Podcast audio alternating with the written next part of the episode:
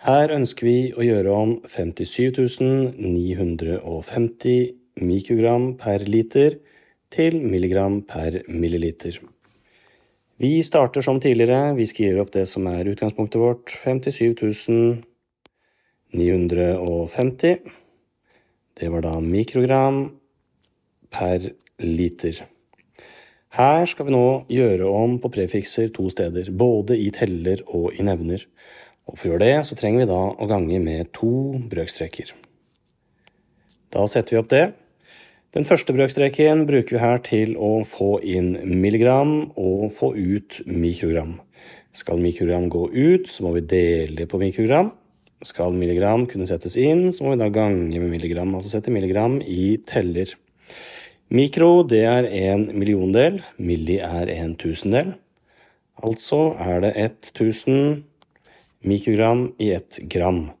Så nå i nevner står det egentlig milligram, og i teller står det milligram. Så brøken er da totalt sett én, og satt opp på en sånn måte at mikrogram kan forkortes mot mikrogram.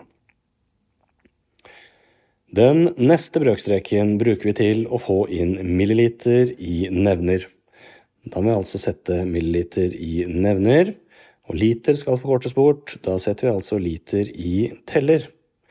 Milli, det er en tusendel, så vi må da gange milliliter med 1000 for å få én liter. Da står det én liter i teller og én liter i nevner. Brøken er totalt sett én og satt opp på en sånn måte at liter går mot liter. Og vi står da igjen med den benevningen som vi ønsker oss, altså milligram, per milliliter. I tillegg så har vi også faktoren 1000 ganget med 1000, altså 1 million i nevner.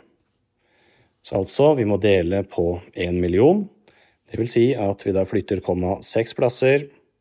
1, 2, 3, 4, 5, 6.